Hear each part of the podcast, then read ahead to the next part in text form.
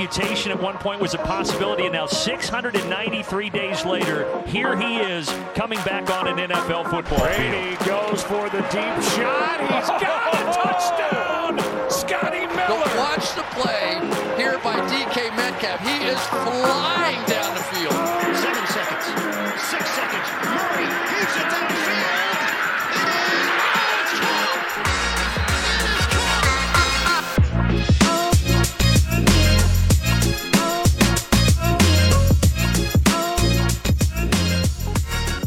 dat je luistert naar weer een nieuwe aflevering van de Sport Amerika Fantasy Football Podcast. We gaan alweer naar week 9. Het seizoen is doormidden. We zitten op de, op de home stretch. Het einde komt in zicht. Dat is jammer, maar gelukkig is er nog heel veel voetbal tussen nu en dat einde. En net als elke week gaan wij vooruitkijken naar het aankomende weekend. En dat doe ik niet alleen, want ik doe dat samen met Lars Leeftink. Goedemiddag.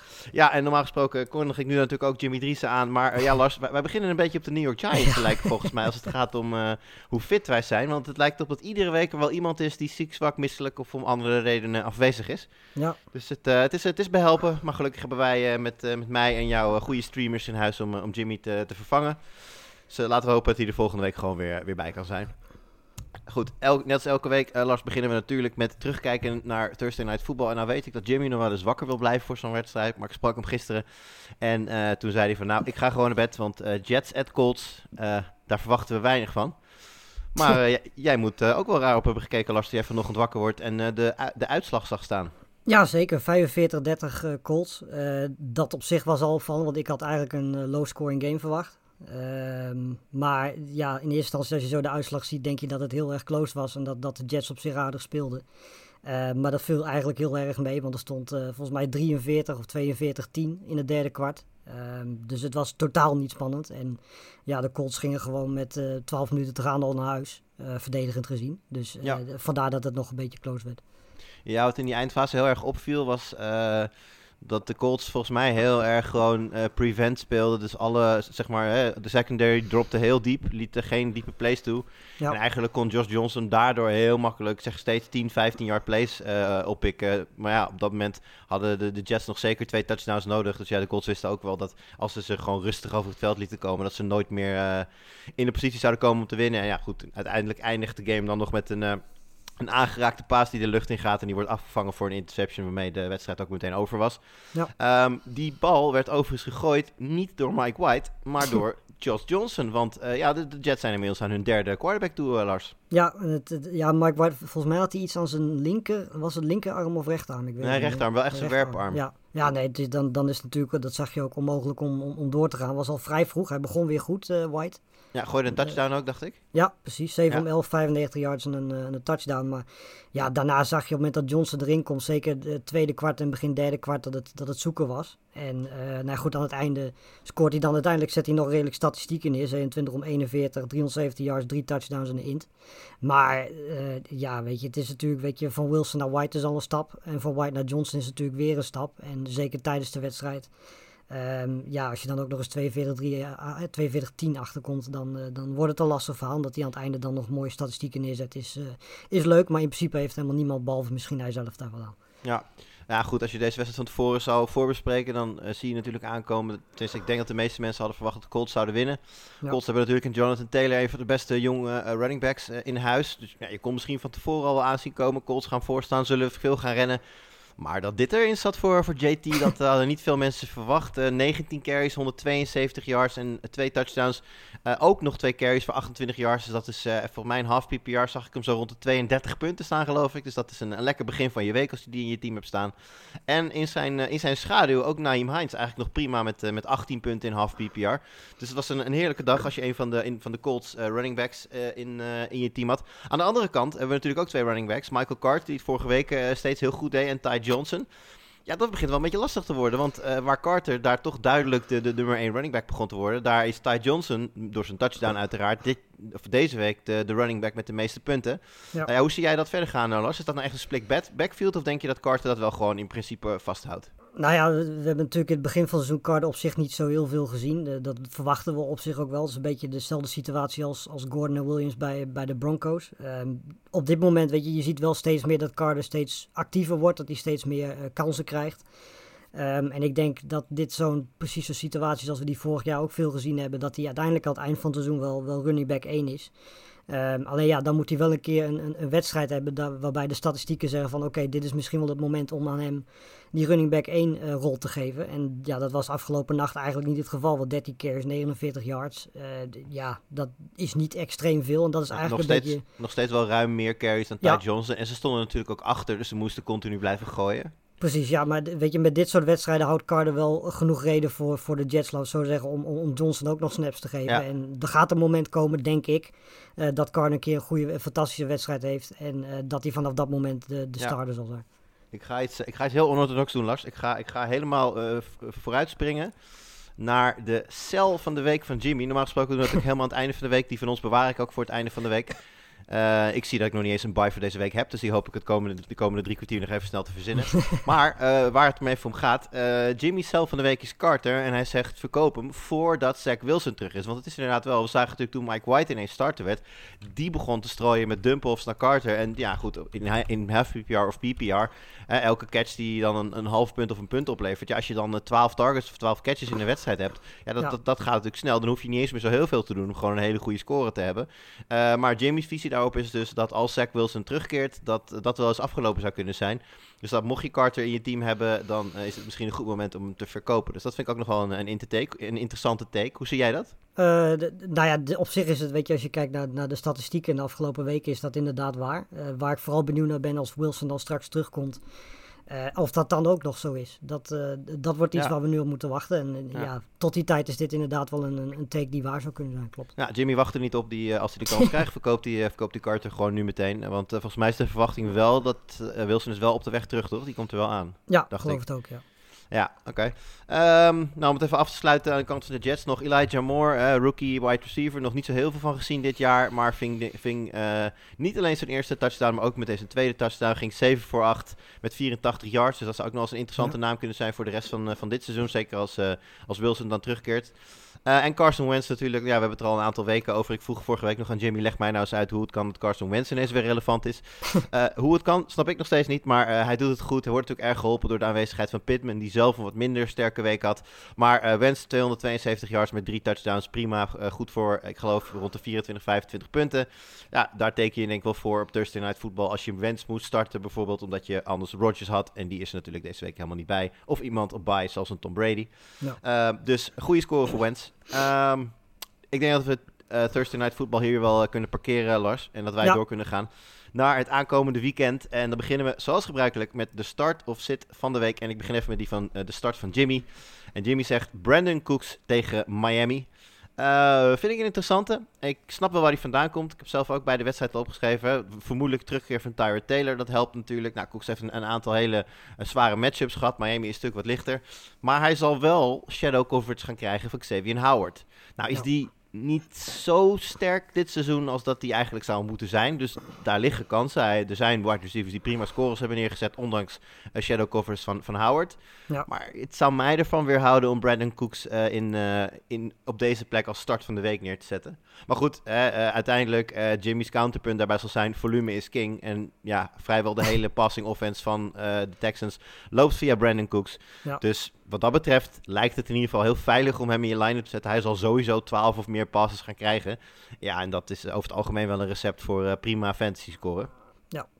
Eh, Lars, jouw start van deze week. Ja, ik had hier eerst de Davante Boeker staan. eh, maar ik heb hem eigenlijk aan het einde echt op het laatste moment veranderd naar, eh, naar Van Jefferson. Die de laatste twee, drie weken heel productief is. Eh, speelt tegen de Titans, die een van de mindere secondaries hebben in de NFL op dit moment. Even de Ehm, meeste punten aan wide receiver zelfs. Precies. En eh, daarnaast is eh, Woods ook nog twijfelachtig. Die heeft volgens mij twee dagen achter elkaar niet getraind nu. Ehm, ik denk dat Jefferson zelfs als Woods erbij is nog wel relevant is. Ehm, omdat hij dat ook al een paar keer heeft laten zien. Ehm, maar ja, weet je, als Woods er niet bij is, dan is Jefferson zeker een start tegen, tegen deze offense. Die sowieso al met Stafford natuurlijk redelijk eh, veel paast. En ik denk dat dit een shootout wordt. Dus ik denk niet dat, eh, dat de Rams zo snel eh, de bal af kunnen rennen aan het einde. En, en de tijd weg zullen halen. Ik denk, ik denk dat dit echt een wedstrijd wordt die tot het eind spannend wordt. En dan gaat Jefferson een grote rol spelen, denk ik. Ja, ik vraag me af of Tennessee de Rams bij, bij kan houden als het gaat om scorend vermogen. Zeker als Julio, als, eh, Julio, Julio, ook, eh, eh, ook ja, Julio uit, uit Amsterdam-Zuid. Nee, ehm, Julio, die is natuurlijk questionable al een tijdje. En uh, ze vragen of die erbij is. Nou, Henry natuurlijk sowieso oud de komende Ja. tijd. Dus ja, als Tennessee de Rams gewoon niet bij kan houden... dan vraag ik me af of er genoeg volume gaat zijn voor Van Jefferson. Wordt inderdaad anders als Woods niet speelt. Dan ben ik helemaal met je eens. Dan zal hij aan de, aan de buitenkant de, ja, vaak de eerste read gaan zijn van Stafford.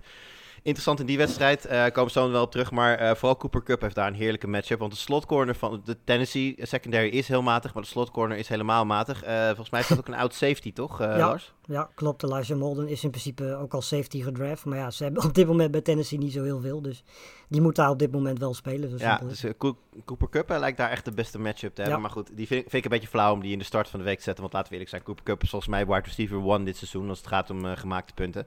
Ja. Ja. er is natuurlijk 0,0 kans dat je die ooit niet zal starten.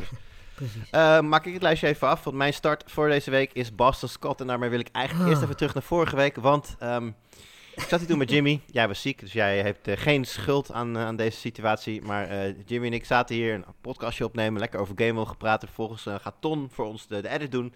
En die vraagt, jongens, hebben jullie een titel voor jullie, voor jullie podcast? Dus nou, wij een beetje filosoferen. En ik zeg, hey, weet je wat een leuke titel is? Alle ballen op Gainwell. Want die gaat Ja. hartstikke veel ballen krijgen nu Miles Sanders niet speelt. En nou ja, goed, zijn enige concurrentie is Boston Scott. En eh, ja, Jordan Howard werd geactiveerd, maar daar waren Jimmy en ik het ook over eens. Die gaat ook niks doen. Ja, Matchup was goed. resultaat, eh, Boston Scott twee touchdowns, Jordan Howard twee touchdowns en eh, Kenneth Gainwell missing in action. Hij kreeg pas in, de vi- het vierde kwart kreeg Gainwell wat werk. Had hij geloof ik 13 touches alleen al in het vierde kwart. Maar dat gaf wel aan dat hij niet in, eh, niet in het spel voorkwam. Nou is het inderdaad wel zo dat de Eagles meestal niet voorstaan en in die wedstrijd wel. Dus dat helpt Ja. natuurlijk eh, Gainwell niet, want hij zal natuurlijk vooral de, de passing down back zijn. Ja, als je niet veel hoeft te passen, dan wordt dat natuurlijk lastiger. Ehm, maar ja, Boston Scott eh, kreeg dus wel eh, die, die rol als, als, zeg maar als eerste en, en tweede down back met name. En als je dan weet dat de Eagles deze week tegen de Chargers spelen, die ook een van de slechtste run defenses in de league hebben, Ja. dan zeg ik, dit wordt gewoon weer een Boston Scott game. En eh, mocht je hem hebben opgepakt vorige week of deze week, dan eh, kun je hem gewoon laten staan, want die gaat opnieuw gewoon een hele grote workload krijgen en opnieuw goede kans om een, eh, om een touchdown binnen te rennen.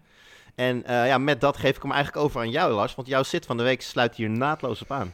Ja, Kenneth Gainwell. En eh, eigenlijk precies om de reden die we net besproken hebben. Ik bedoel, eh, de mensen die ons op Twitter volgen, die zullen ook wel gezien hebben dat wij heel veel Kenneth Gainwell opgesteld hebben afgelopen weekend. Inderdaad, omdat wij dachten, nou, die gaat heel veel touches krijgen omdat Sanders er niet is. Ehm, ja, die kreeg hij niet. En eh, ja, deze week, weet je, bedoel, er is geen enkele reden om te denken dat dat komende week anders gaat zijn. Gainwell kreeg eigenlijk, had wel 13 carries, maar dat was eigenlijk vooral aan het einde van de wedstrijd, toen het al beslist was. Ehm, ja, weet je, dit is eigenlijk van mijn kant een beetje een salty pick om hem hier neer te zetten. Maar ja, ik, de- wat mij betreft is Gainwell absoluut iemand die eh, voorlopig, totdat hij bewijst dat het anders is, eh, ik niet ga vertrouwen. Als je nou zou moeten kiezen tussen Jordan Howard of Kenneth Gainwell. Stel, het zijn bye-weken, je hebt blessures. wel- wel- Stel Ja. dat dat je enige twee keuzes zijn.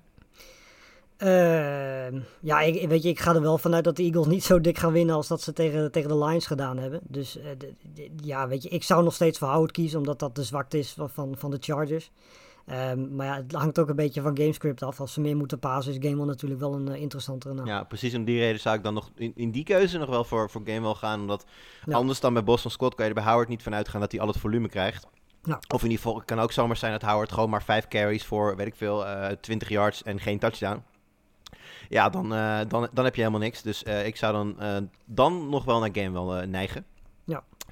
Jimmy heeft ook een, eigenlijk running backs moet ik zeggen, bij zijn sit van de week. Hij zegt, start in ieder geval geen random running back van Houston tegen Miami. Ik denk dat hij daar de, de hele wedstrijd bedoelt. Dus zowel van Miami als van Houston. Ga ik even vanuit. Dus dat betekent Ja. Eh, David Johnson, maar ook Philip Lindsay. Maar ook eh, eh, Miles Gaskin en ook zelf van Rex Burkhead. Ahmed, Rex Burkhead, noem het allemaal maar op. Die, Ja. wat Jimmy betreft, allemaal op de bank laten. Ben ik het niet mee eens. In de zin van Miles Gaskin. Ik denk dat Miami voor gaat staan in die wedstrijd. En ik denk dat Miles Gaskin over de grond de, de meest gebruikte back zal zijn daar. Zeker als Malcolm Brown nog steeds oud is. En volgens mij is die nog steeds oud. In dat geval vind ik Gaskin wel een gokje waard. Maar verder ben ik het helemaal met Jimmy eens. Brand je handen niet aan deze running backs verder. En mijn eh sit van deze week is misschien een klein beetje een opvallende. Want ik denk als je hem hebt dat je hem ook gaat opstellen. Ik weet dat ik hem in een van mijn teams heb staan en ik laat hem ook staan, want ja, ik heb niet heel veel betere wide receivers. Ja. Namelijk DeAndre Hopkins. En dat heeft vooral te maken met het feit dat DeAndre Hopkins zelf eh, gelimiteerd is. Die, heeft, eh, die kampt al een tijdje met de lichte blessure. Was vorige week ook niet helemaal fit. Nou, dat hebben we gezien, leidde tot een lage score. En Kyler Murray, die raakte natuurlijk geblesseerd aan, op die rare play.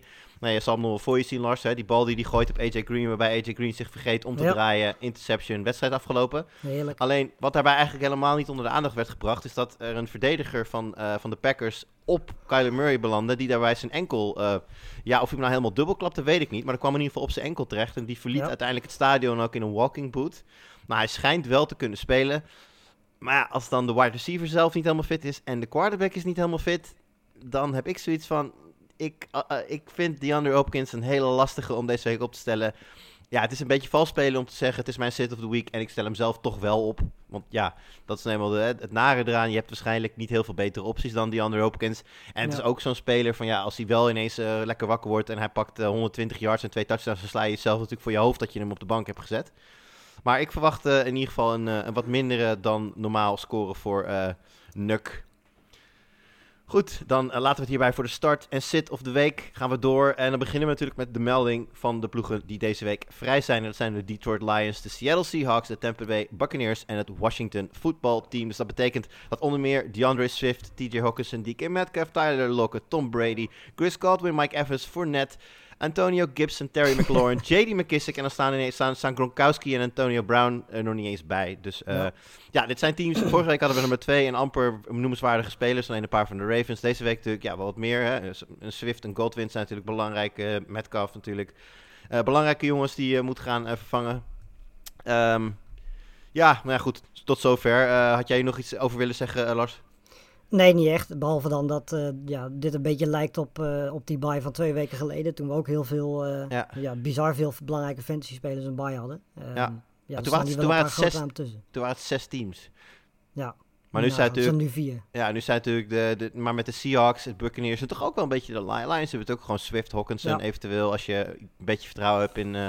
in Amon Ra, St. Brown of weet ik het wat. Het zijn allemaal... Het zitten best wel zelfs ook... Hè, was je een voetbalteam met Gibson, met de McLaurin, met McKissick. Het zijn, het zijn allemaal teams die wel spelers leveren... die als je ze hebt, dat de kans Ja. ook vrij groot is dat je ze opstelt. Ja, klopt. Ja, dus dat, eh, dat voor deze teams. Die zijn er allemaal eh, volgende week weer bij. Eh, gaan wij door met de wedstrijden. En zoals altijd kiezen wij om de beurt een wedstrijd. En dan gaan we het daar even over hebben. En Lars, aan jou de eer om de eerste te kiezen. Ja, ik ga beginnen bij, bij Packers Chiefs. Ja, dit, dit, dit is om meerdere redenen een hele interessante wedstrijd natuurlijk. Ten eerste omdat dit, ja, dit is de wedstrijd van, van het weekend, denk ik.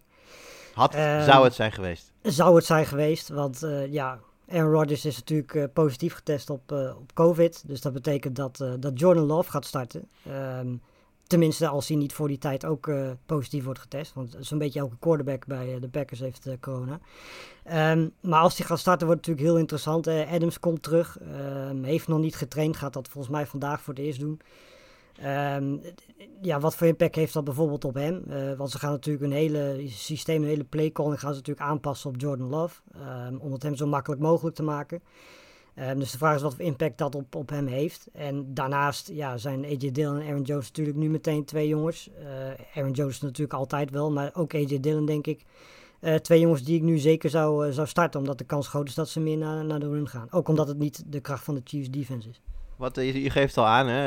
eh, eh, Love zou natuurlijk eventueel zelf nog positief kunnen zijn. Ehm, Ja. zou in een wedstrijd geblesseerd kunnen raken. Mijn vraag, dat voel je misschien wel een heel klein beetje aan. Wat, wie is de, de, volgens mij heeft, hebben de Packers überhaupt een third string quarterback? Eh, nou ja, dat was Bankert, Kurt Bankert, maar die heeft dus ook corona. Dus ze hebben, ja, de legend himself, Blake Bortles, hebben ze, hebben ze erbij gehaald. Dus die dat is in is principe toch de... wel geweldig, hè? Ja, ik dat- had liever eh, Nate, Peterman, Nate Peterman gehad. Of, eh, maar goed, ja, dat, eh, helaas is dat hem niet geworden. Ze hebben voor Blake maar, Bortles gekozen. Nee, maar wees eerlijk, als Love echt geblesseerd raakt, wie heb je dan liever, Bortles of Peterman? Ik toch echt wel Bortles. Ja, tuurlijk, qua quarterback absoluut. Maar ja, weet je, ik bedoel, ja, misschien heb je ook wel gelijk. Qua, qua, qua, qua lore, qua verhaal, is, is, zou Nathan Peterman, eh, Nathan Packerman zou het dan natuurlijk Nathan worden. Zou, eh, zou, eh, zou heel leuk zijn geweest. Nee, maar ik denk dat je een Blake Bortles voor, een- voor een third stringer een prima, een prima optie eh, hebt. Nee, maar goed, laten we voor de Packers en voor jou, Lars, hopen dat het zover niet gaat komen. Ehm, ja, een- je hebt, nou goed, hè, Devante Adams terug heb je genoemd. eh Dylan en Jones, zekere starts. Als we even naar de andere kant gaan. Ja, we hebben natuurlijk tegen de Chiefs tegen de, tegen de Giants gezien maandagavond. Het werd 2017 uit mijn hoofd. Wel gewonnen, maar weer niet een wedstrijd waarvan je denkt... Ja, de, eh, dit zijn de Chiefs zoals we ze kennen. Maar Holmes nu al, eh, eh, volgens mij, van de laatste vier weken heeft hij drie keer eh, een, een score onder de 20 punten gehaald, geloof ik. Ja. Ja, wat, is, wat, wat is er aan de hand? Is dit, is, ja, ik wil aan je vragen, is dit de wedstrijd waarin, het, waarin de ommekeer komt? En dan zeg jij, ik hoop het niet. Ja, precies. nou ja, je zou zeggen, weet je, ik bedoel, ik heb dat gevoel het hele seizoen al, dat er een keer een moment komt dat, dat dit Chiefs team weer het Chiefs team wordt van, van nou, de afgelopen jaren. Ehm, maar ja, ze- zelfs tegen tegenstanders waar ze aanvallend gezien toch veel tegen moeten scoren, hè, de, de Titans en de Giants, hebben ze dat eigenlijk niet gedaan. En speelde ook Mahomes eigenlijk niet zo heel erg goed. Ja, en de Packers zijn statistisch gezien top 10, top 15 eh, defense op dit moment. Ehm, dus ja, weet je, ik weet niet of dit de wedstrijd gaat zijn waar die, waar die eh, ja, de omkeer Het is ook niet zo dat ze daar blessures hebben. Ze hebben alle, in principe alle blessures zijn er.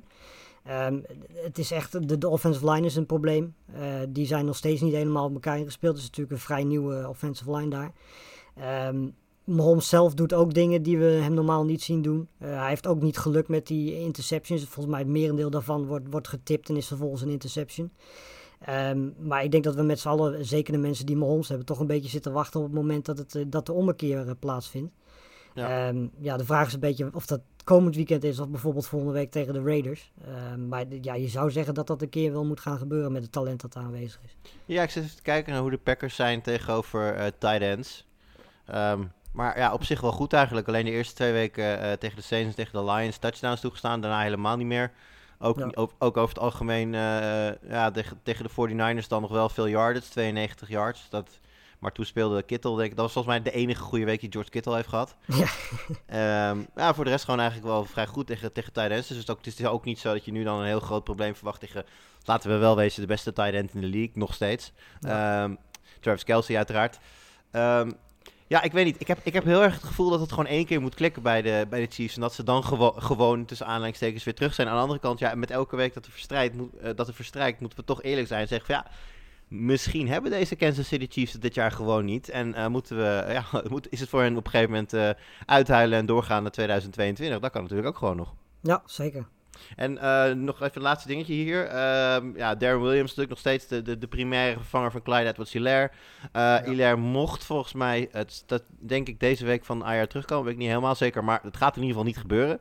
Uh, dus, dus speelt Darren Williams nog steeds, of Darren Williams... Uh, Daryl Williams. Er staat hier Darren, maar het is Daryl Williams. Uh, Daryl Williams speelt gewoon in de basis. En uh, ja, hier wil ik even naartoe. Derek Gore, uh, Lars, is dat iets waar wij nu al rekening mee moeten gaan houden? Uh, ja, nou ja, op dit moment denk ik wel. Want vorige week had hij uh, twee carries minder dan Williams, 13 om 11. Uh, hij had evenveel yards, 49, en hij had een touchdown. Um, daarnaast was hij, ja, weet je, ze waren op zich, weet je, Darren Williams is natuurlijk nog steeds fancy-wise het meest relevant, omdat hij ook in de passing game veel gezocht wordt. Um, dus wat dat betreft, weet je, is Williams nog steeds een, een, de meest relevante en interessante naam. Um, maar zeker zolang Edwards Hilaire er niet is. Ja, en, en de blessures en, en buys die natuurlijk uh, al die running backs hebben. Um, ja, weet je, en wetende ook dat de Packers veel yards opgeven aan, uh, aan running backs.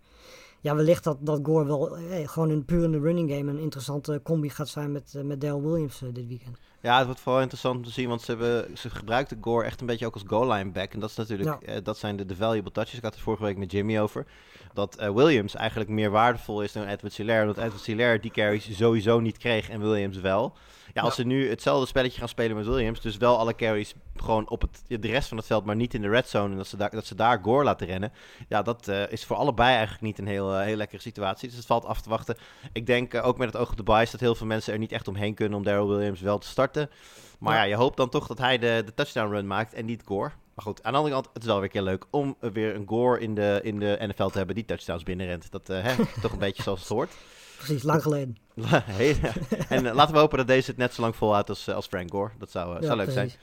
Goed, gaan we verder en uh, pak ik de volgende wedstrijd erbij. En dat is er eentje waar we een hele hoop over kunnen praten. Namelijk Denver Broncos op bezoek bij de Dallas Cowboys. Uh, daar valt uh, een hoop te vertellen, zoals ik al zei. Laten we beginnen bij de Broncos met Noah Fant op de COVID-lijst. Lars, heeft hij nog überhaupt nog kans om de wedstrijd te halen of is hij sowieso al oud? volgens mij was hij wel gevaccineerd, als ik mij niet vergis. Dus hij zou het kunnen halen. op papier, volgens mij moet hij dan twee keer in 24 uur.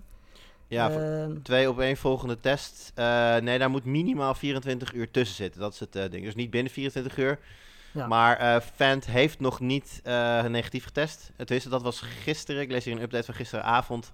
eh, Ja. Waarin werd aangegeven, Fant heeft nog niet negatief getest. Dus dat betekent op zijn vroegst, eh, als hij dan, eh, nou bijvoorbeeld vandaag, eh, nou hij heeft natuurlijk nog twee ochtenden de kans om dan de eerste te doen. Dan moet hij 24 uur wachten en dan de tweede. Dus stel dat hij op zaterdagochtend de eerste een negatieve test heeft en dan op zondagochtend de tweede negatieve test, dan zou hij dus kunnen spelen. Maar ja, dat is momenteel koffiedik kijken. Ik denk als je Fenty team hebt, dan doe je er verstandig aan om alvast te gaan plannen voor het feit dat hij niet kan spelen. Mocht dat zo zijn, dan zou dat wel eens heel goed nieuws kunnen zijn voor Judy. Want die kwam natuurlijk vorige week terug, eh, Lars. En nou had, eh, had nog niet een hele indrukwekkende week, maar schijnt in ieder geval geen, eh, geen setback te hebben als het gaat om zijn blessure. Ja, dan kunnen we denk ik toch wat meer volume gaan verwachten op het moment dat, zeker op het moment dat Vent niet op het veld staat. Ja, zeker. Nee, ja, weet je, bedoel, dat, hetzelfde geldt in principe ook voor Sutton natuurlijk. Want ja, weet je, met Vent valt wel iemand weg die best wel veel targets krijgt eh, dit jaar. Veel wedstrijden met 7, 8, 10, 11 eh, targets in een wedstrijd. Ja, die moeten toch ergens anders heen. En dan kun je misschien wel denken van dat die, eh, de, de backup tight end waarvan de naam onmogelijk is om uit te spreken. eh, Albert Okwebunam, geloof ik. ik Ik weet, Het ik weet wie je bedoelt. ja, precies. Maar die, ja, die zal vast wel wat, wat kansen krijgen. Maar normaal gesproken zijn Judy en Sutton en misschien ook wel Patrick... wel de drie mensen die daar het meest van gaan profiteren dat niet is. Ja, wat Cortland Sutton betreft, misschien wel even goed te noemen dat de verwachting is dat die shadow coverage gaat krijgen van Trayvon Diggs. Nou, staat Diggs voornamelijk bekend natuurlijk om zijn, eh, om zijn touchdowns dit jaar. Eh, maar heeft daarbij ook wel wat, eh, ja, wat, wat coverage gemist, punten toegestaan. Dus het is, ja, het is natuurlijk gewoon een goede, goede cornerback. Dat staat buiten kijf. Maar het is niet per se echt een shutdown. zoals bijvoorbeeld een, eh, een Slayton of een Darius Slay. Niet Slayton, Darius Slay. Ehm, die, die er echt om bekend staat dat hij dat die spelers compleet uit de wedstrijd kan halen. Dat is Traven Dix niet helemaal. Maar eh, mm, het is wel een klein minpuntje bij de naam van eh Cortland Sutton, eh, wat mij betreft. Ja. Eh, ja, en dan hebben we nog de- running backs natuurlijk daar. Eh, iedere, het, het, de, de narrative natuurlijk duidelijk. Eh, Javante Williams, eh, gedraft, eh, rookie. Iedereen had eigenlijk verwacht dat hij het op een gegeven moment van de, van de veteraan Melvin Gordon zou overnemen. Dat leek twee weken geleden, leek dat zich ook een beetje aan te kondigen. Maar vorige week was het weer Melvin Gordon die gewoon eh eerste viool speelt daar en eh, ook de beste score had. Ja, dit is een hele lastige, Lars. Ik denk als je een van beiden in je team hebt, zeker ook in de bye weeks, dat je ze toch wel zult moeten opstellen op een gegeven moment. Maar ja, je, je kunt van, van beide, zolang de ander speelt, kun je van eh, beide niet zeggen dat, ze, eh, ja, dat je ze met veel vertrouwen opstelt, denk ik. Nee, dat klopt. En dat- dat- in principe hebben we dat, eh, weet je, dat was natuurlijk van tevoren ook wel een beetje verwacht. Ik, ik heb nog steeds het idee dat Williams aan het eind van het jaar de, die, ja, die, die, die running back 1 rol eh, naar zich toe gaat trekken. Maar ehm, het, het duurt misschien nu toch al wel een paar, een paar weekjes langer dan dat ik verwacht had dat het zou duren. Ja, wat misschien ook meespeelt, is dat eh, Melvin Gordon natuurlijk ja, redel- een redelijk beheersbare workload krijgt op deze manier. Ze krijgen allebei steeds, allebei zo'n 10, 11 tar- eh, eh, carries, allebei een aantal passes. Het is echt heel gelijkwaardig, het is echt een 50-50 backfield. Ja, dat is natuurlijk niet een workload waarbij je zegt van ja, zo'n, zo, eh, je ziet er wel vaak bij oudere spelers dat als ze iets te veel moeten doen, dat er een, een blessure op de loer ligt. Ja, dat Ja. zal hier niet zo snel gebeuren natuurlijk. Nee, dat klopt. En het, weet je, ik bedoel, Melvin Gordon is natuurlijk. het valt mij trouwens wel een beetje tegen. Ik dacht altijd dat hij. ik had het gevoel dat hij een touchdown-dependent running back was. Maar dat valt eigenlijk op zich wel mee. Bedoel, hij heeft er tot nu toe dit jaar nog maar. Wat is het? Drie. Ehm, in principe waren dat ook zijn drie beste, beste wedstrijden meteen. Ehm, maar het valt me vooral op dat hij heel veel touchdowns scoort de laatste week als, eh, als receiver. Eh, iets wat ja, misschien Javonte Williams toch beter kan. Maar blijkbaar eh, kan Melvin Gordon het ook. En ja, daardoor blijft de, de onzekerheid natuurlijk alleen nog maar groter worden daar. Ja, nee, kijk, ik bedoel, wat je zegt klopt. Hij heeft maar drie touchdowns. Maar dat zijn dan ook wel de weken waar je echt... bedoel, Dat zijn de weken waarin Ja, hij ne- precies, 19, 14 en 16 punten had.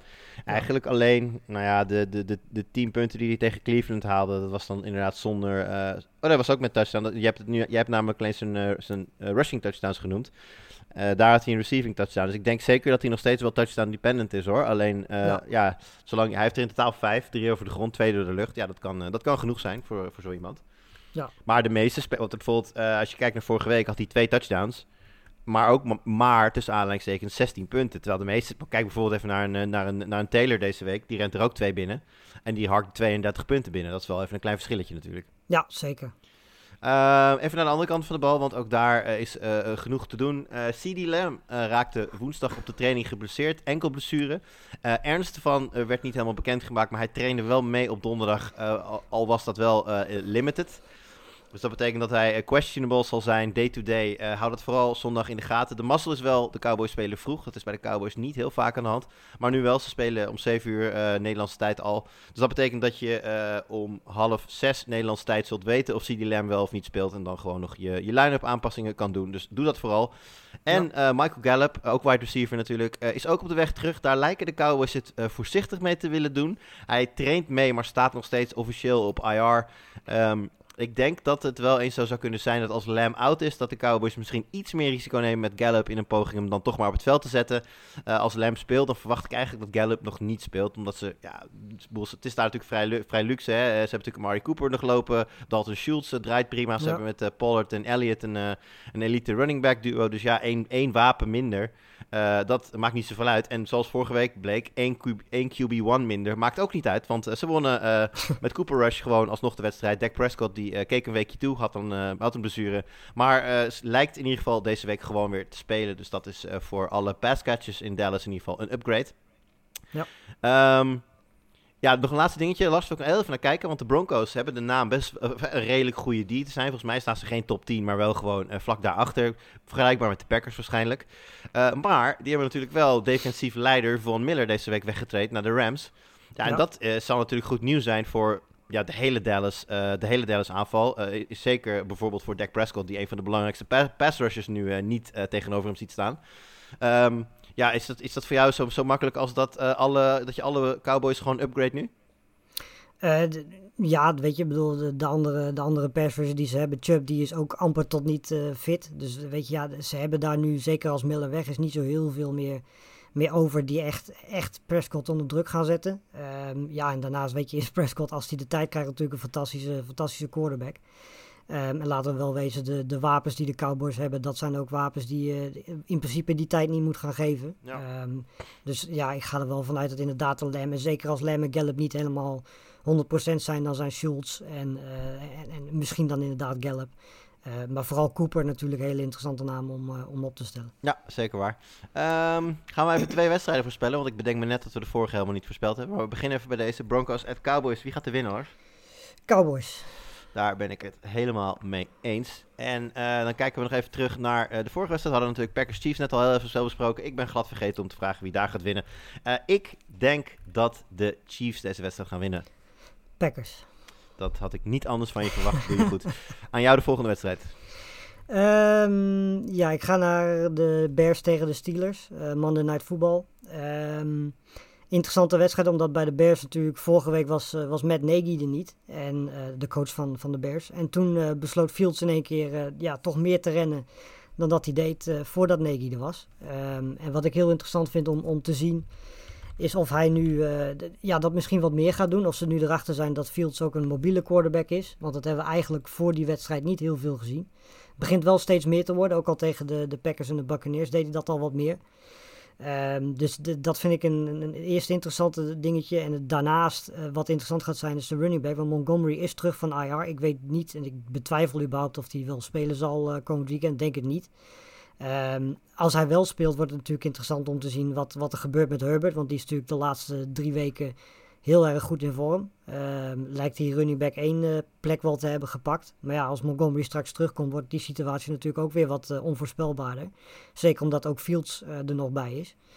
Ehm, ja, weet je, verder weet je, als Herbert gewoon start, is het nog maar de vraag of hij weer zo'n goede wedstrijd gaat hebben. Want de Steelers defense en vooral die, Ja. die, die frontlinie is natuurlijk heel erg sterk. Zeker waar, zeker waar. Ehm, ja, daarnaast heb je natuurlijk de, de, vraag... eh, eh, had je daar, sorry, had je dat nou gezegd over Montgomery? Dat hij terug, dat terugkomt van Ja, IR? Ja, Ja, precies. Ja, ik, ik, ik ben vooral benieuwd hoe dat verder gaat. Want eh, deze week is deze week. En nou ja, ik, ik verwacht eigenlijk niet dat Montgomery nu al meteen een flinke workload krijgt. Zelfs al is hij, zelfs al is hij active. Dus ik, ik neig ernaar om te zeggen dat Herbert wel te starten is deze week. Maar ik ben vooral benieuwd. Kijk, hij heeft het natuurlijk heel goed gedaan. Ook, tegen, ook tegen teams die op papier gewoon een, een goede run defense hebben. Ehm, Ja. Ik denk dat hij tegen de Steelers ook best goed zou kunnen doen. Ja, dan ben ik toch wel benieuwd wat, eh, wat de Bears gaan doen met die twee. Want ja, dan heb je toch wel een luxe probleem. Twee, twee goede, eh, goede running backs op de grond.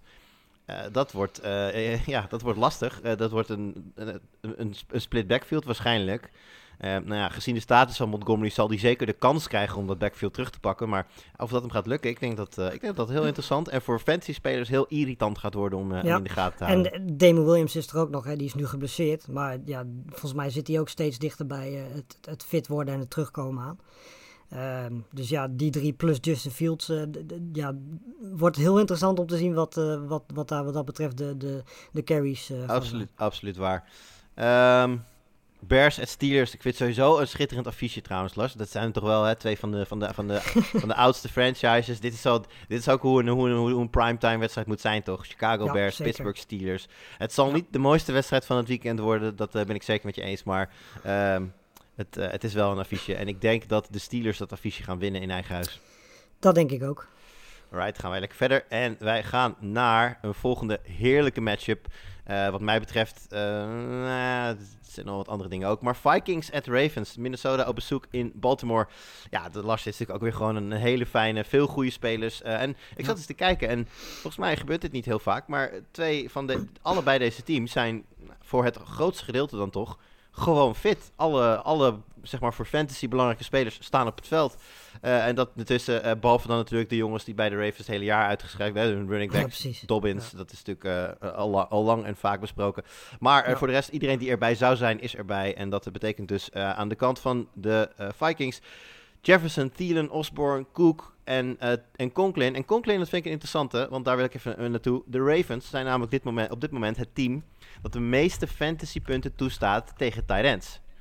Dus dat maakt Tyler Conklin een hele interessante uh, streamer voor deze week. Ik bedoel, misschien heb je wel uh, Gronkowski in je team. Nou, die heeft uiteraard een bye. Uh, TJ Hawkinson heeft een bye. Dus dat, de kans dat je een, een, een tight end nodig hebt, is aanwezig. Um, ja, dan is Conklin misschien wel een hele interessante. Maar ja, ik noemde natuurlijk net al de namen, Lars. het is wel veel, om, veel namen om passes mee te delen.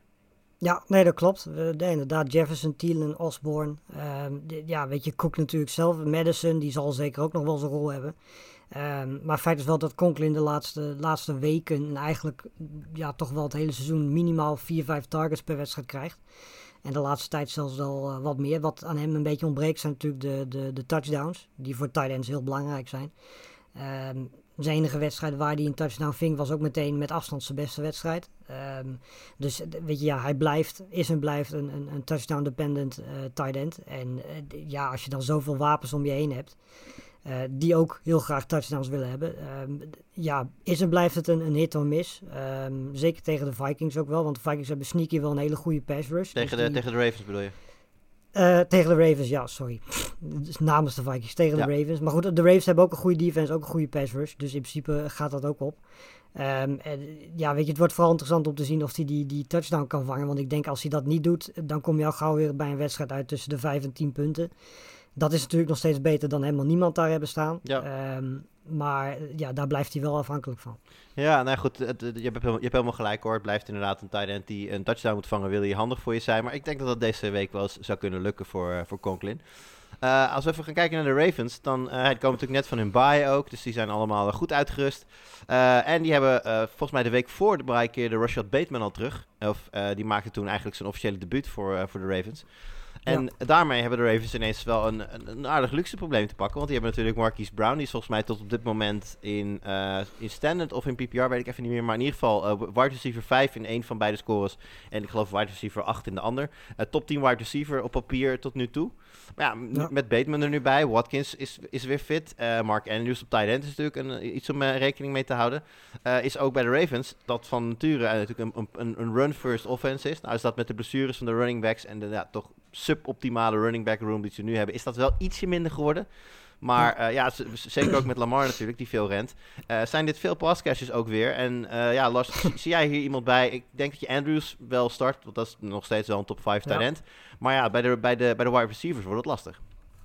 Ja, dat wordt het zeker. Weet je, ik bedoel, Brown die heeft absoluut wel een paar hele goede, goede wedstrijden gehad dit jaar. Maar het, ja, het is wel een, wat dat betreft een beetje typisch Brown seizoen. Er zitten ook weken tussen dat hij 4,5 punt scoort. Um, dus het is een beetje lastig uh, in het geval van Brown om in te schatten uh, hoe dat moet zijn. Nou ja, goed, weet je, ik bedoel, de Vikings zijn wel een team waar, waar de Ravens in principe punten tegen kunnen scoren. Ehm, en eh, ja, bij Brown is het meestal ook het geval als hij één big play heeft, eh, dan is het meestal ook wel eh, meteen een touchdown. En hij scoort ook veel touchdowns dit jaar.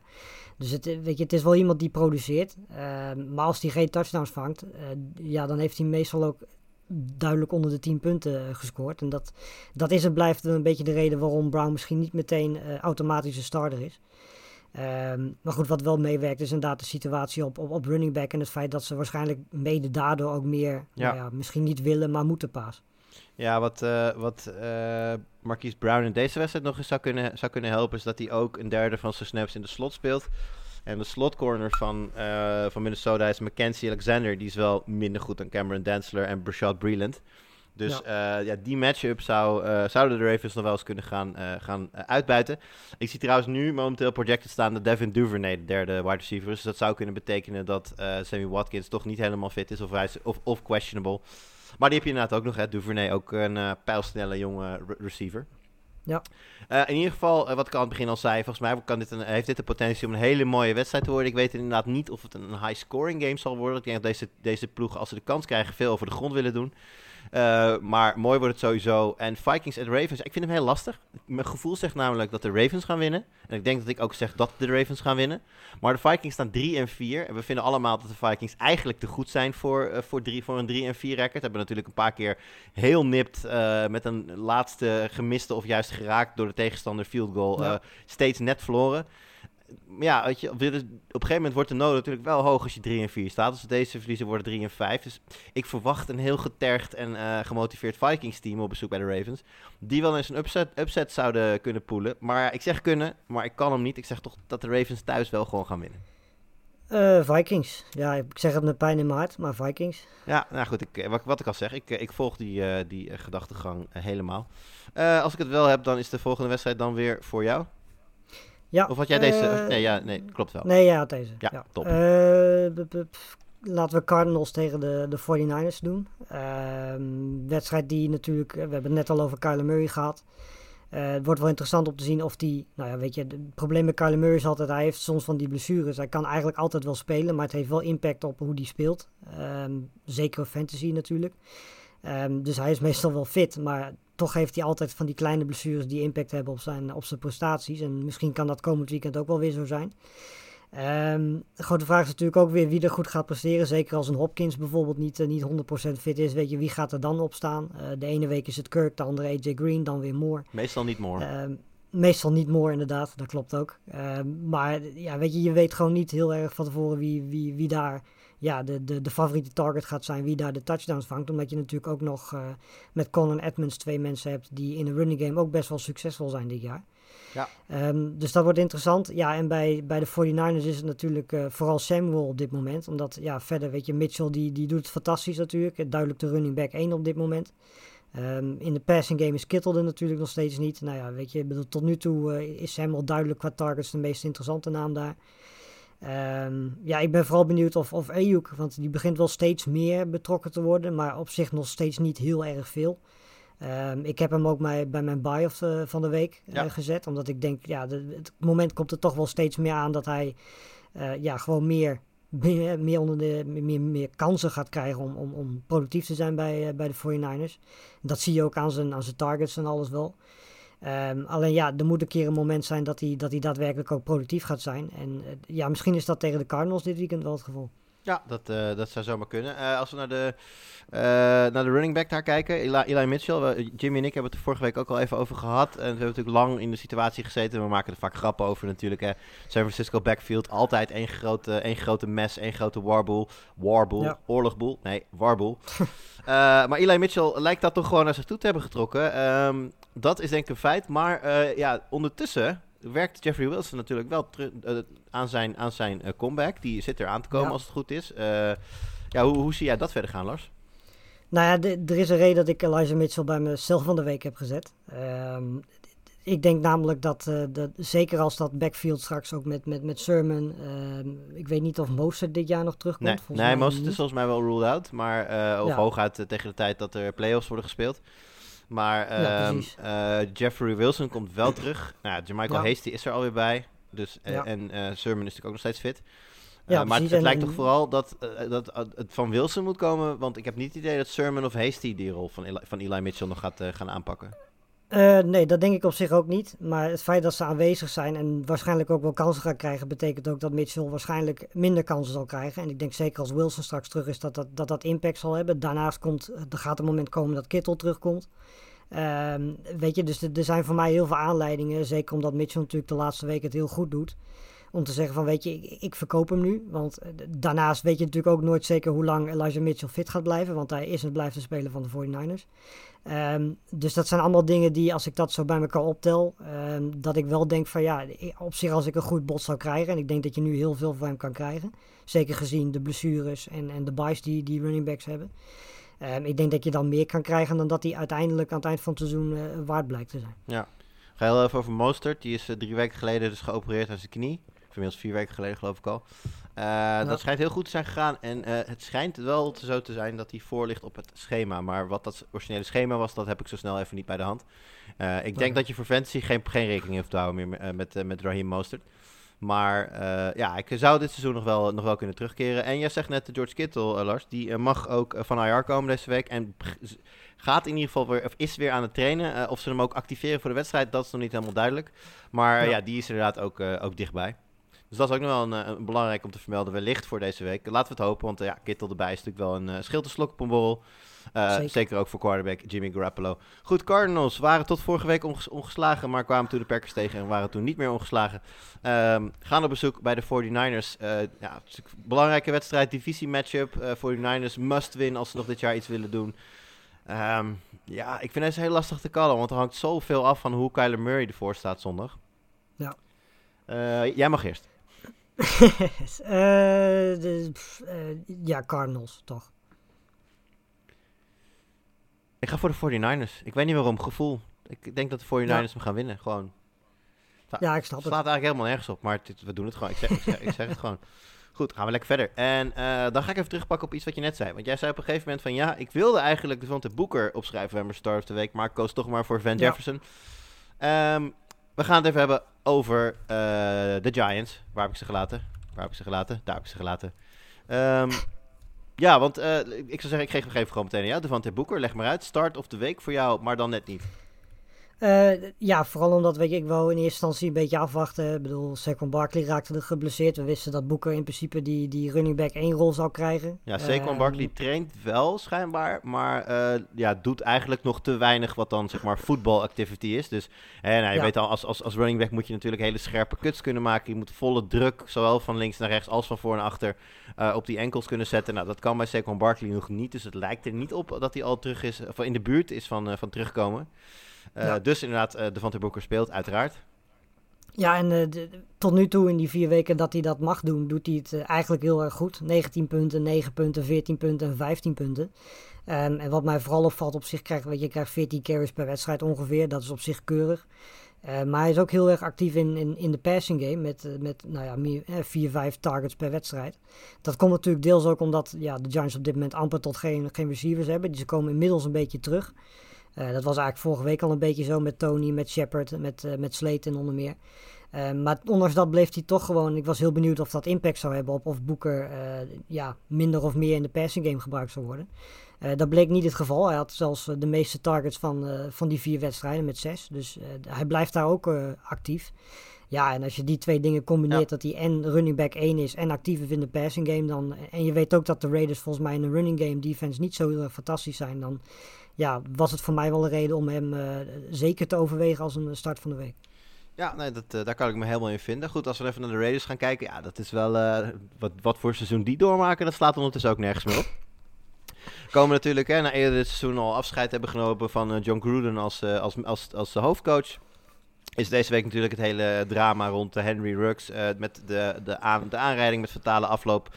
Waar, waarna hij is aangeklaagd voor inderdaad een eh, driving under influence. Hij had volgens mij twee keer de uh, toegestane hoeveelheid alcohol in zijn bloed. En ja, uh, ja goed, en een aanrijding met de dood tot gevolg uh, met een DUI. Dat is een felony waar je in Amerika, uh, nou ja, zeker gegeven, gegeven de, de, omstandigheden hier en ook hoe hard hij reed, waarschijnlijk behoorlijk wat jaren voor in, in de gevangenis zal gaan.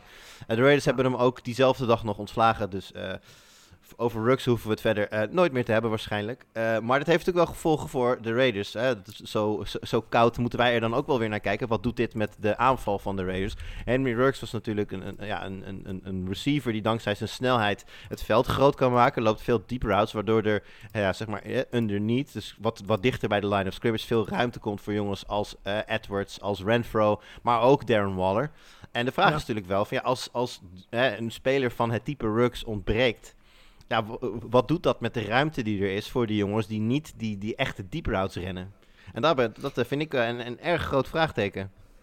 Ja, nou ja, weet je, ik bedoel, ik kan op dit moment, als ik zo naar, naar, naar hun roster kijk, ook niet per se iemand noemen die die rol over kan nemen. Ehm, dus het, ja, of ze gaan hun hele, ja, hun hele systeem en hun hele manier van spelen gaan ze daarop veranderen. Ja. Want ja, weet je, als je inderdaad geen deep threat hebt, eh, dan wordt het wel lastig. Want ja, weet je, jongens zoals Waller, Edwards, eh, Renfro, eh, maar in mindere mate ook een Zay Jones bijvoorbeeld. Weet je, dat zijn allemaal jongens die die ruimte wel nodig hebben. Ehm, en ja, tot nu toe werkt het ook heel erg goed. En je hebt daarnaast op dit moment ook niet echt een running game waarvan je zegt, daar gaan we op terugkomen om, om die te vertrouwen om veel yards op te pakken.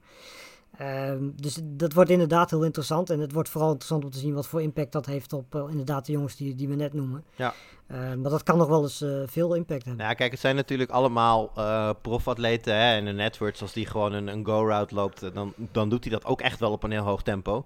Maar ja, het Ja. verschil tussen een Rux of een Edwards betekent voor een cornerback of een safety dat hij een meter of 5 à 10 dichter naar de lijn kan staan. Omdat hij wat minder bang hoeft te zijn dat die speler hem echt voorbij vliegt. Wat Rux Ja. wel gaat lukken, maar een, eh, een Edwards dus niet. En ja, dat, dat maakt de ruimtes kleiner. En dat maakt het voor een safety, als het dus toch een korte play is, ook makkelijker om sneller bij de, bij de tackle te zijn. En dan ja, geef je dus minder yards op.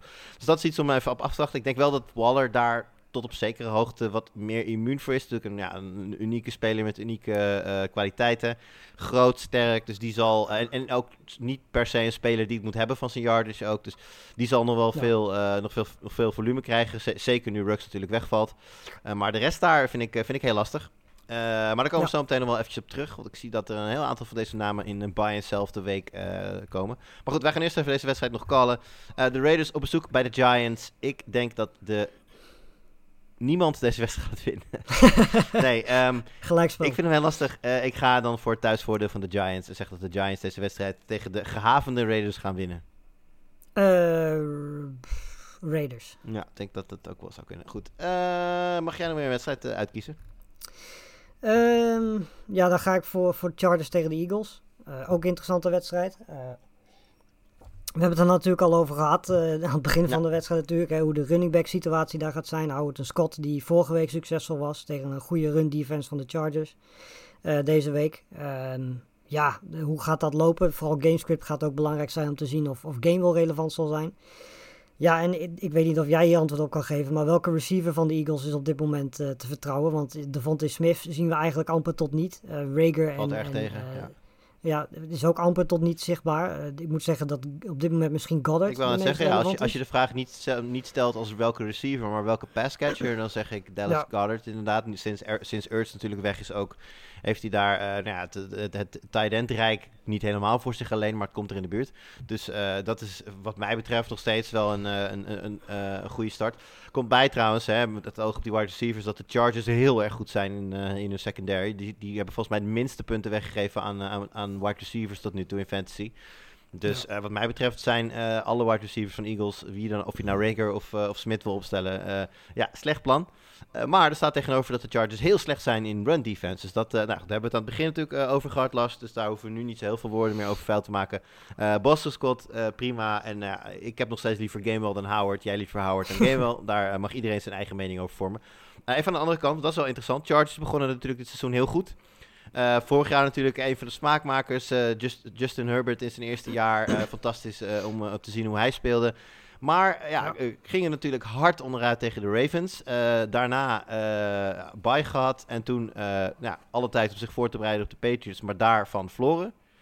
Ja. Ja. wat is daar aan de hand, Lars? Is, is dit, de, de- Chargers waren toch op voorhand... werden zelfs door heel veel mensen getipt als kandidaat voor de Super Bowl. Eh, Ja. mensen, ik heb mensen zien zeggen dat er een, een Los Angeles Bowl komt. Hè? De Rams en de Chargers samen in de Super Bowl. in, eh, volgens mij is de wedstrijd ook in LA, dus dat zou helemaal, helemaal prachtig zijn. Ehm, maar wat ik de laatste week heb gezien, heb ik zoiets van... Nou, deze Chargers die gaan niet naar de Super Bowl, hoor. Nee, En ik denk wat er natuurlijk wel bij genoemd moet worden, is dat ze wel tegen twee hele goede defenses hebben gespeeld. eh, de Ravens en de Patriots. Eh, dat zijn natuurlijk wel ja, twee teams. Als je, als je goede defense moet noemen, dan kom je heel snel bij die twee uit. Ehm, maar dat neemt niet weg dat Herbert natuurlijk niet in de vorm is die hij de eerste, nou het was het, vier, vijf weken had. Eh, Mike Williams is de laatste tijd natuurlijk ook iets minder. Die krijgt deze week ook een lastige matchup met Darius Slay. Ehm, ja, weet je, Allen en Cook. Allen volgens mij is dan van de drie de laatste weken nog wel redelijk in vorm. Ehm, maar ja, op dit moment is het niet de, de, de productieve offense die we de eerste vier, vijf weken gezien hebben. En eh, we moeten ook wel wezen, die Eagles defense is absoluut geen slechte defense. Eh, er lopen echt wel een paar goede spelers eh, in, in rond. Dus het is niet zo dat de Chargers nou in één keer komend weekend heel veel punten gaan scoren. Ehm, en misschien wordt daarin ook wel de rol van een, van een Eckler heel erg belangrijk. Ja, en wat goed, Mike Williams, lastige matchup met Jerry Slay, dat speelt inderdaad mee. Ja, het is, een, het is een lastige matchup en deels ook niet. En dat geldt eigenlijk voor beide, voor beide partijen wel. En er ligt daar een heel, aan beide kanten een vrij duidelijk eh, recept, denk ik, hoe je, hoe je deze wedstrijd eh, aan moet vliegen. Eh, Ja. Als beide dat gaan doen, Lars, wie gaat er dan winnen? Ik denk dat de Eagles gaan verrassen. Ik denk dat de Chargers gewoon zichzelf gaan herpakken nu. en niet. Gewoon, dat is trouwens wel een storylijntje voor dit jaar. Je ziet, we zien heel veel teams heel goed spelen. En dan een week daarna op onverklaarbare wijze een eh, verschrikkelijk ei leggen. Eh, we hebben natuurlijk de Titans tegen de Jets gezien. eh, dus dat, dat, soort, dat soort wedstrijden. En ik verwacht dat de Eagles na hun dikke overwinning vorige week tegen de Lions. deze week gewoon onderuit gaan tegen de Chargers. Die op bezoek gaan in Philly. Maar dat maakt helemaal niks uit. Dus ik zeg Chargers. Ehm, nou, we zitten een beetje krap in de tijd, maar ik wil toch nog even snel naar mijn Patriots tegen de Panthers. En niet eens zozeer vanwege mijn Patriots, maar wel vanwege Run CMC, die terug is op het trainingsveld bij de Panthers en die terug lijkt te gaan keren eh, tegen, de, tegen de Patriots. Ook hier geldt, hij is eh, designated to return from IR, dus dat betekent dat hij mag spelen, eh, dat hij in principe active is, maar het is nog niet 100% zeker dat hij ook gaat spelen. En als hij speelt, Ja. is het ook niet 100% zeker dat hij gewoon zijn eigen CMC workload krijgt. Maar dat zal dan een, ja, een, een- waarschijnlijk een gedeelde rol worden samen met eh, Hubbard nog steeds. En dat zal dan gedurende de komende weken gaan op, eh, opschrijven. De Panthers krijgen wel betere matchups na de Patriots. Dus dit is misschien ook ja, niet een hele handige week om terug te keren. Zegt net al, Patriots, goede, goede defense. Eh, niet, de, niet de handigste week, maar ja, goed, laten we eerlijk zijn Lars. Als jij eh, Christian McCaffrey op je roster hebt en hij is active, dan stel je hem op. Eh, ja, lijkt me ook. Wat ik vooral hoop is dat het niet een, een, een situatie wordt zoals vorig jaar, waar hij eigenlijk elke week wel een kans had om terug te komen, maar eigenlijk de rest van het seizoen dat niet deed. Ehm, ik hoop dat we die situatie nu niet krijgen. Ehm, en inderdaad, ja, weet je, als hij terugkomt, dan zal dat, eh, zal dat heel voorzichtig zijn. Want uiteindelijk is dit wel de speler die je heel veel geld hebt gegeven en waar eigenlijk je, je ja, zeker je offense toch omheen gebouwd is. Ehm, dus daar gaan ze heel rustig aan mee doen. En eh, ja, weet je, ik bedoel, ik betwijfel überhaupt of, het, of, of, ja, of ze hem echt gehaast moeten terugbrengen om, om, om ver te komen. Weet je, ze kunnen misschien ja, wildcard halen. Daar doen ze natuurlijk nog steeds volop voor mee. Mhm. Ehm, maar er is op dit moment denk ik nog niet veel reden om hem echt gehaast eh, terug te brengen. En eh, te proberen hem als extra wapen al meteen ja, ook heel veel touches te geven. Want dat is natuurlijk echt vragen om problemen Ja. gesproken. Nou, ik denk dat alles ervan afhangt hoe, eh, hoe fit hij is. Het is een, eh, het is een Ja. jongen die, hij wilde ook, in, eh, volgens mij wilden ze hem ook niet op IR zetten in eerste instantie. Nou, uiteindelijk toch maar wel gedaan. Ehm, ik kan me niet aan de indruk onttrekken dat, dat hij eh, ja, wel redelijk fit is. Maar dat heb ik vaker gedacht bij CMC. Dus eh, ik, eh, ik neem het nog maar niet aan. Ik wacht maar rustig af. Even naar de Patriots kijken. Nou ja, goed, vorige week natuurlijk een toch wel opvallende overwinning op de Chargers. Ehm, ik denk dat dat de Patriots, of de status van de Patriots bij veel mensen ja, toch wel ietsje verhoogd heeft. In ieder geval, ze zitten nu niet meer in de buurt van, van de Dolphins en de Jets. Iets daarboven. Ehm, eh, maar ja, dan nog steeds voor fantasy geld. eh, ja, wie, waar, waar kun je iets mee bij de Patriots? Want het zijn over het algemeen toch altijd een beetje grind-it-out overwinningen. Veel werk op de grond en eh, te afmaken met de defense. Ja, dat is voor fantasy meestal niet zo'n heel goed recept. Ja, en er zit ook heel weinig explosive plays in natuurlijk. Deels ook omdat je geen explosieve quarterback hebt. Dat hele systeem is daarop Nee. gebouwd. Dus Nee, dat- ja, weet je, Ja, precies. Dat is goed. Je zegt nu geen explosieve quarterback. Maar als je heel even terugwerkt naar de laatste paar jaar van Tom Brady bij de Patriots. Die natuurlijk nu laat zien dat hij gewoon nog explosief kan zijn. En diepe ballen op Antonio Brown gooit. En maakt allemaal niet uit, kan niet op. Maar bij de Patriots Ja. deed hij dat natuurlijk niet. En ik denk dat daar twee redenen voor zijn. In de eerste plaats omdat de Patriots die wapens toen niet hadden en nu ook niet hebben. En in de tweede plaats dat dat niet het systeem is wat Bill Belichick wil spelen. En dus in, Ja. zijn, in zijn schaduw McDaniels ook niet. Eh, het, het is een spelletje waarbij ze heel erg leunen op hun defense. Dat hebben ze altijd gedaan. Waarbij ze vooral aanvallend geen fouten willen maken. Gewoon hè, stapje voor stapje het, het veld over. En dan uiteindelijk maar gewoon scores maken. En dan, nou ja, goed, zolang je, zolang je, je, je verdediging dan boven gemiddeld speelt. Ga je wedstrijden winnen. Dat is altijd, de, dat is eigenlijk de laatste paar jaar waar, wat de Patriots al doen. Dat is ook hoe ze de laatste Super Bowl tegen de Rams hebben gewonnen. En dat is gewoon wat ze nu met Mac Jones ook aan het doen zijn. Ik denk dat Mac Jones daar enorm goed voor geschikt is. Maar goed, wat ik al Ja. zei, voor fantasy is dat niet een, eh, een, een fijne combinatie. Dus eh, voor fantasy gaan de Patriots niet heel, niet heel veel doen. Eh Damian Harris wellicht wel, Lars. D- ja, zou kunnen. Het probleem is alleen wel dat hij tegen een hele goede Panthers run defense staat natuurlijk. Eh, sowieso een goede defense, de Panthers. Dus dat, eh, ja, op dit moment is Damien Harris wel de enige relevante eh, Patriots fantasy speler, denk ik. Naast de defense natuurlijk.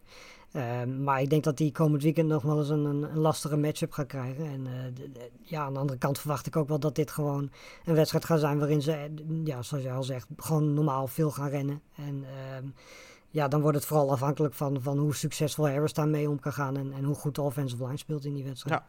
Nou goed, eh, we, gaan het, eh, we gaan het zien. Gewoon een kleine, leuk klein detail eh, hier te vermelden. Eh, eerder dit jaar natuurlijk Stefan Gilmore getrade van de Patriots naar de Panthers. Dus die komt nu eh, zijn oud teamgenoten tegen. Eh, nou, Gilmore speelt natuurlijk aan de buitenkant als cornerback. Dus die zal met name Aguilar en, en Bourne tegen gaan komen. Myers die speelt ongeveer volgens mij 69% van zijn snaps vanuit de slot. Dus die ontloopt Gilmore redelijk. Ehm, Ja. Maar ja, goed, de Panthers hebben gewoon een goede verdediging. Ook goede, goede secondary. Dus dat is een, voor de hele Patriots team een lastige, lastige matchup.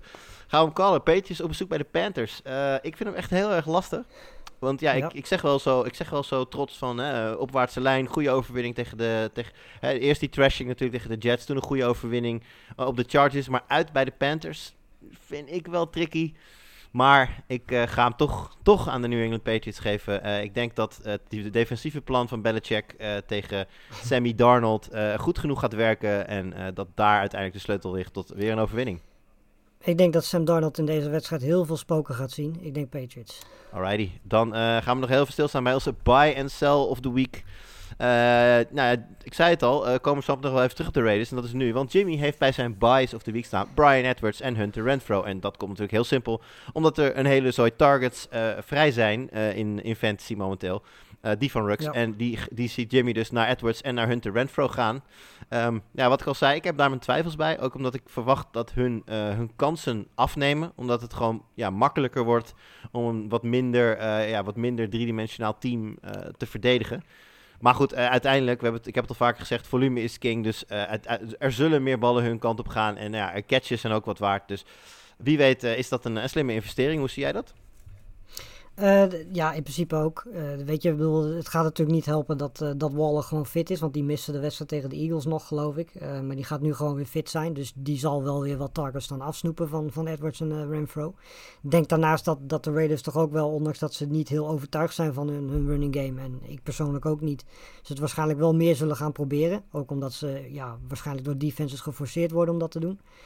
Ehm, dus ik, ja, ik twijfel nog een beetje of, of inderdaad Edwards en Renfro zo'n positieve, ook omdat het natuurlijk geen hele explosieve eh, spelers, fancy spelers zijn.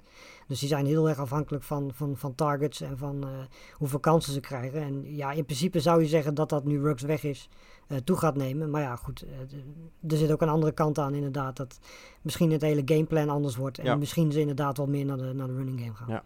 Nou goed, het is eh Jimmy's buy of the week eh, in ieder geval. Ik weet, ik heb, ik heb Hunter Renfro volgens mij wel in een league waar Jimmy ook in zit. Dus wie weet eh, dat Jimmy en ik even een dealtje, dealtje kunnen gaan maken. Vind ik helemaal niet erg. Ja, jouw buy of the week. je hebt het net al even weggegeven, Lars. Brandon Ayuk. Verwacht jij toch weer een stijgende lijn van? Ja, nee, we hebben natuurlijk begin van het seizoen gezien dat hij helemaal geen targets kreeg. En zelfs achter een paar receivers zoals Sheffield stond. Eh, we zien nu steeds meer dat hij, eh, dat hij ja, meer wordt bediend en meer wordt, wordt gezocht. Eh, volgens mij had hij afgelopen week ook een, een touchdown die uiteindelijk niet, niet telde. Of was het een two-point conversion? Dat kan ook nog.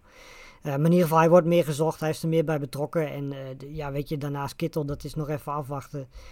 natuurlijk hoe dat gaat lopen. Maar ik denk dat Ayuk juist iemand is die kan profiteren van het feit dat, dat Kittel er is. Ehm, eh, ja, en daarnaast, weet je, voorlopig is die running back situatie, eh, zolang iedereen fit is, ook een, een, een lastig verhaal. Dus ik denk dat Ayuk eh, gedurende het seizoen een, een, een grotere ja, rol gaat krijgen. En dat hij aan het eind van het seizoen, nou, het is misschien gewaagd om te zeggen op zijn rol zit zoals vorig jaar. Maar in ieder geval een grotere rol heeft dan dat hij eh, nu heeft. En daarom heb ik als cel ook Elijah Mitchell gekozen. Omdat ik denk dat, eh, ja, zodra straks weer meer receivers en ook meer, meer running backs fit worden, denk ik dat de rol van Mitchell misschien niet helemaal eh, ja, tot 50-50 wordt, maar dat hij in ieder geval minder groot zal worden dan dat hij nu is. Ja, ik, uh, ik bewaar mijn bui nog eventjes. Die zeggen, die, daar kom ik zo meteen op terug. Uh, de cel van Jimmy hebben we natuurlijk al gehad. Uh, dat was ja. Michael Carter. jouw was Eli Mitchell. En mijn cel voor deze week is Darren Waller. En dat is natuurlijk een beetje raar, want ik verwacht heus wel dat Darren Waller nog steeds gewoon top 5, misschien wel gewoon makkelijk top 3 tight end zal blijken te zijn. Maar er is daar gewoon een risico. Die, die aanval die wordt anders, wat jij net ook al zegt. En ik denk dat als je nu een hele goede deal kunt maken voor Waller. Nu kan dat sowieso nog, want hij komt net terug. En is in principe gewoon hè, de, de, de top 1, top 2, top 3 uh, tight end die er is in de, in de league. Dan kun je daar nu gewoon nog volledige waarde, of in ieder geval dichtbij volledige waarde voor krijgen. Stel nou dat hij de komende week, of de komende weken wat mindere scores laat zien. Ja, dan uh, zal je daar uh, weinig meer mee kunnen doen qua trade. Dus voor mij zou Darren Waller momenteel een heel aardige sell high kunnen zijn. Als ik, zeker als ik daar een vergelijkbare, laten we zeggen, Kyle Pitts misschien wel voor terug uh, zou kunnen krijgen. Dus uh, dat is mijn sell voor deze week. En mijn buy voor deze week, ik had, hem, ik had al even gezegd, ik heb geen specifieke speler. En dat, uh, daar heb ik een reden voor. De twee deadlines komen in zicht. En dat betekent ook, als je Dynasty speelt, dat er mensen zijn die nu gaan beslissen... ga ik nog meedoen voor dit seizoen? Of ga ik ja. me richten op volgend seizoen? Ga ik kijken of ik een van mijn wat oudere sterspelers uh, kan wegsturen naar een van de teams die meedoen om de titel. En hoop ik dat ik daar dan talenten of draftpicks voor terugkijk. Ga eens kijken als je Dynasty speelt bij de teams die onderaan staan. Of in ieder geval hè, een beetje de bottom 4 daar in de buurt. Die ja, niet zo heel veel kans meer maken om de playoffs te halen misschien. En kijk gewoon eens even wat voor uh, mensen die je aan boord hebben. Ik noem bijvoorbeeld de 28 jaar oude Cooper Cup, wat een interessante kan zijn. Ja, Devante Adams is niet meer de jongste. En zo zijn natuurlijk nog wel veel meer namen die uh, het, het, het goed doen dit jaar. Maar voor Dynasty niet per se heel veel waarde hebben voor een meerjarenplan. Kijk, je moet natuurlijk niet uh, iemand gaan bellen en vragen van... joh, mag ik Jonathan Taylor van je? Want Jonathan Taylor is uh, momenteel de running, running back 1 als het gaat om Dynasty rankings. Jong, uh, heeft nog jaren voor zich en speelt hartstikke goed. Dus die ga je niet zo snel losweken. Maar uh, nou ja, als je heel dun bent op, op running back, zou bijvoorbeeld een uh, Melvin Gordon je kunnen helpen. En zo zijn er nog wel meer, uh, nog wel meer namen die je wellicht los kunt weken. Nu nog, zolang de trade deadline niet geweest is. Dus ga eens kijken in je Dynasty League en ga eens traden met de mensen die laag staan. Zeker als je heel veel picks hebt en meedoet om de titel. Dat zou mijn tip zijn voor deze week. Ja. Goed, Lars, dan zijn we aan het einde gekomen. Eh, dan eh, sluit ik af door te zeggen, luisteraars, hartstikke bedankt voor het luisteren. Lars, bedankt voor al je hete takes en je prachtige analyses. Yes. Iedereen heel veel succes dit weekend, behalve als je tegen mij speelt natuurlijk. En tot volgende week.